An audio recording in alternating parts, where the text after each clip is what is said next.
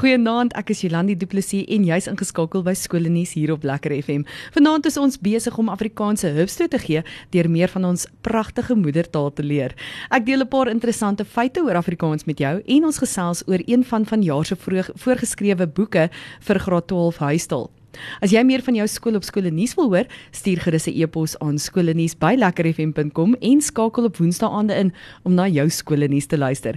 Besoek gerus ook die Awesome Nuus webtuiste vir nuus oor skole in jou gemeenskap. Dis awsimnews.co.za. Na die afloop van laasweek se program het heelwat van ons luisteraars my laat weet van nog lekker interessanthede oor Afrikaans en veral in die buiteland. Die skakeling tussen Vlaams en Afrikaans is nogal interessant. Vlaams is 'n taalkundige begrip wat gebruik word om te verwys na die taal van die Vlaminge, die inwoners van Vlaandere, of 'n geografiese begrip wat na enige aspek van Vlaandere verwys, maar nie na die amptelike taal daarvan wat uitsluitlik Nederland is nie. Dit volgens Wikipedia. Vlaams word gebruik om na sekere nie-standaard dialekte wat in Vlaandere gepraat word te verwys en soms na Nederlands soos dit in België gepraat word.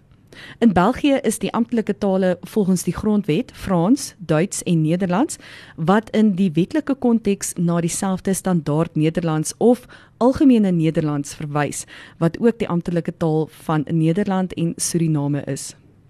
Afrikaans is 'n dogtertaal van Nederlands en anders as Vlaams en Surinaamse Nederlands is dit 'n aparte taal in stede van 'n dialek.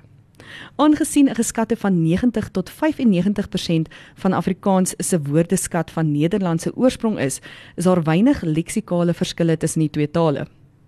Afrikaans het egter 'n aansienlike meer eenvoudige morfologie, grammatika en 'n stel spelreëls.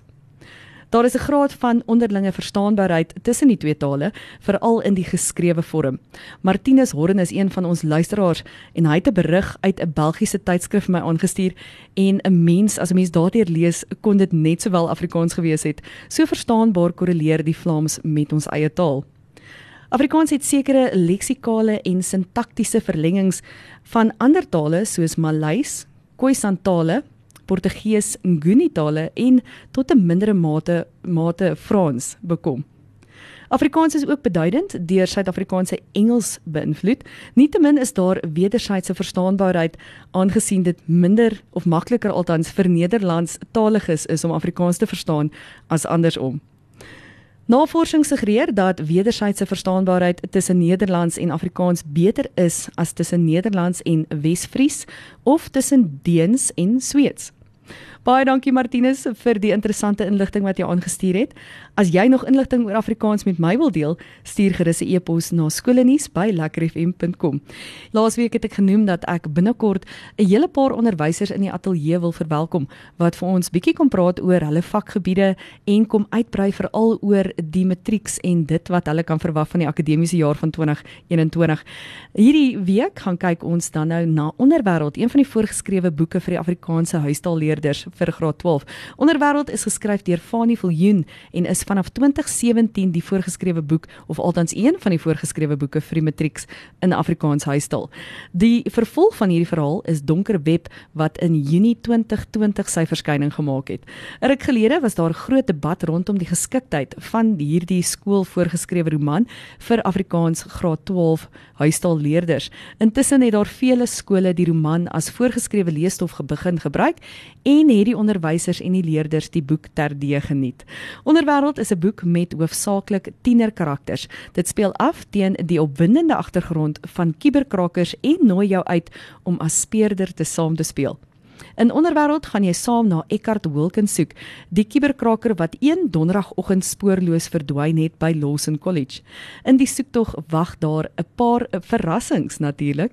Daar gaan ook 'n paar vals leidrade wees, dus moet die lesers baie fyn lees. Onderwêreld wil iets doen wat geen een van die vorige voorgeskrewe boeke gedoen het nie.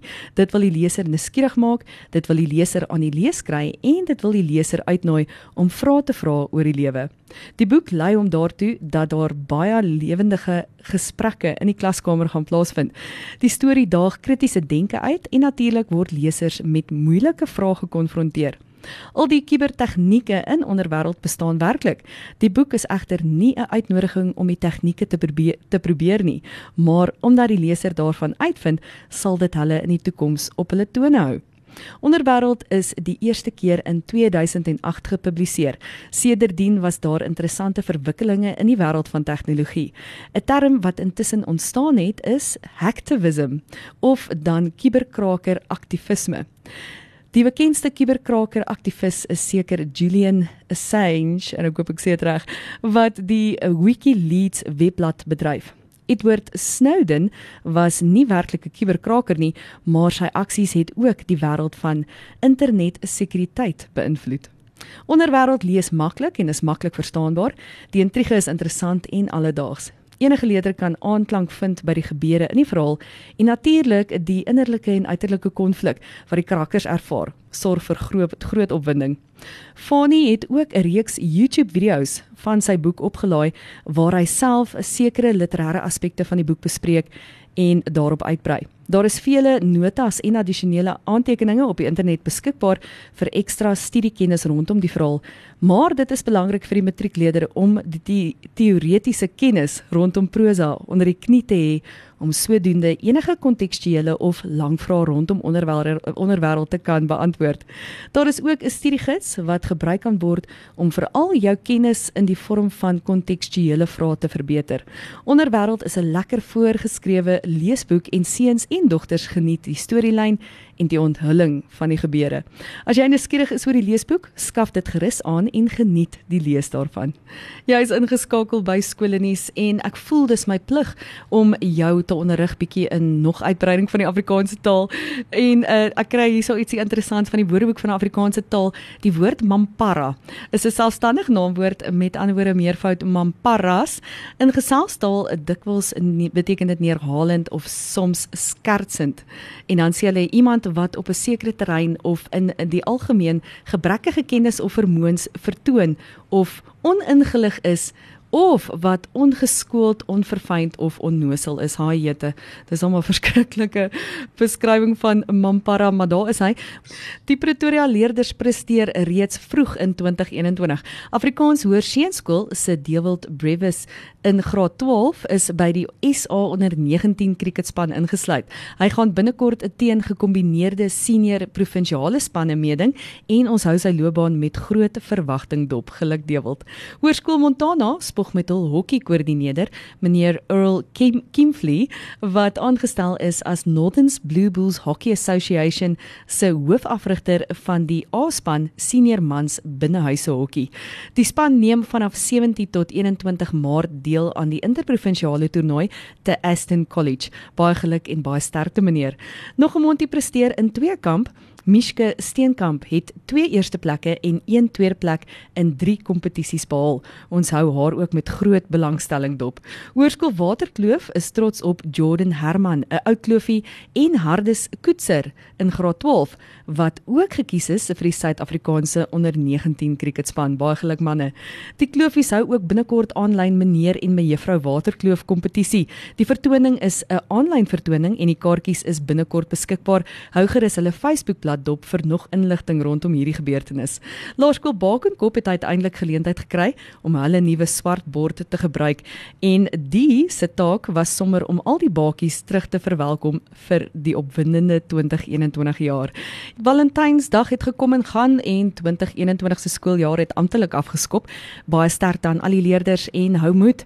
Die jaar gaan nog net beter raak. Hierdie was jou skoolnuus vir hierdie week. Ek hoop jy het dit geniet saam met my, Jolandi Du Plessis hier op Lekker FM.